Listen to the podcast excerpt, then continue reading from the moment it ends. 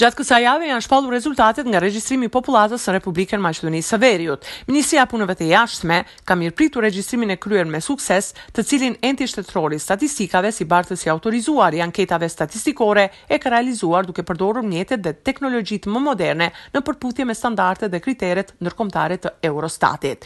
Sipas rezultateve të shpallura zyrtarisht, rreth gjashtëdhjetë për qind janë maqedonas, tridhjetë për qind shqiptarë dhe dhjetë për qind të tjerë nga Enti i Statistikave janë shprehur kështu për rezultatet dhe numrin e regjistruar. Ndjekim deklaratën. Od vkupno popishanoto naselenie. Pedeset i çetiri zapirka dvaeset i eden procenti se izjasnile kako makedonci. Dvaeset i devet zapirka pedeset i dva procenti kako albanci. Sipas numrit të përgjithshëm të popullatës, pesëdhjetë e katër pikë dy përqind janë deklaruar maqedonas, njëzet e nëntë pikë pesë përqind shqiptarë, tre pikë nëntëdhjetë e tetë përqind turq, dy pikë tre përqind romë, një pikë dy përqind serbë. Pakicat tjera etnike nuk e arrijnë veç e veç shifrën prej një përqind. por në bazë të standardeve të Agjencisë Evropiane të Statistikave, Eurostat, dhe të Kombeve të Bashkuara, numri i banorëve të një shteti llogaritet ai që është brenda vendit apo banor rezident. Sipas këtyre të dhënave, numri i banorëve rezidentë prej pak mbi një milion e tetëqind mijë, nxjerr maqedonasit me pesëdhjetë e tetë pikë katër për qind, ndërsa shqiptarët, njëzet e katër pikë tre për qind.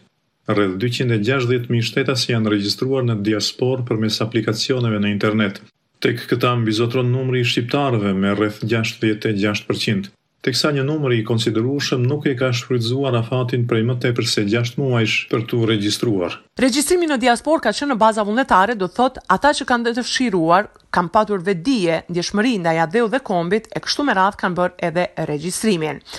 Dihet që janë regjistruar rreth dyqind e katër mijë, ndërkaq rreth treqind mijë kanë ngelur pa regjistruar.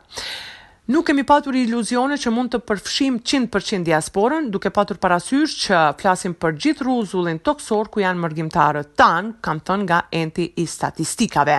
Ndonëse pati probleme të shumta, procesi i regjistrimit është kryer me sukses dhe shqiptarët kanë rritje të popullatës për pesë për qind. Ilmi Selami, zëvendësdrejtor i Entit të Statistikave është shprehur kështu.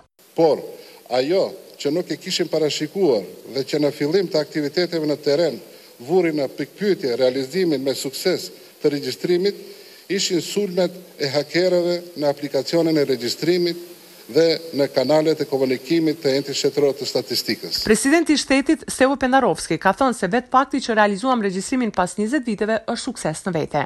Ndërkaq, lideri Ali Ahmeti, e ka quajtur këtë proces një sukses të radhës. Për më tepër ndjekim deklaratën e tij. Janë përfshi ekspertë ndërkombëtarë nga Eurostati, të cilët kanë bërë vlerësimet e tyre të mira si proces.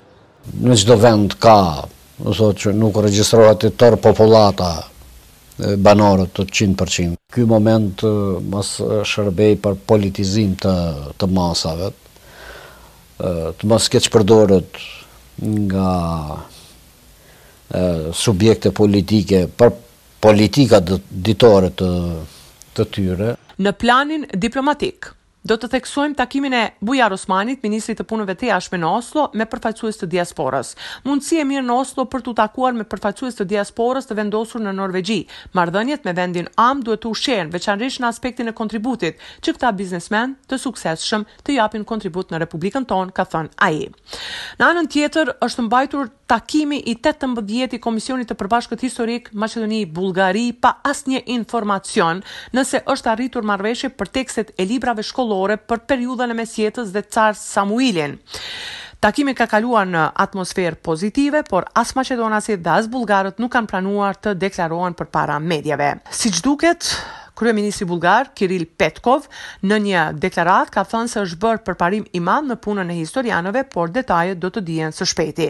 Kurse kryeministri i Maqedonisë, Dimitar Kovaçevski, ka thënë se gjuha dhe identiteti i popullit maqedonas në çdo aspekt nuk është i negociueshëm, andaj qytetarët duhet të jenë të qetë. Përsa i përket Kushtetutës, ajo na lejon të jemi më fleksibilë dhe t'u përshtatemi kërkesave që ka Bashkimi Europian.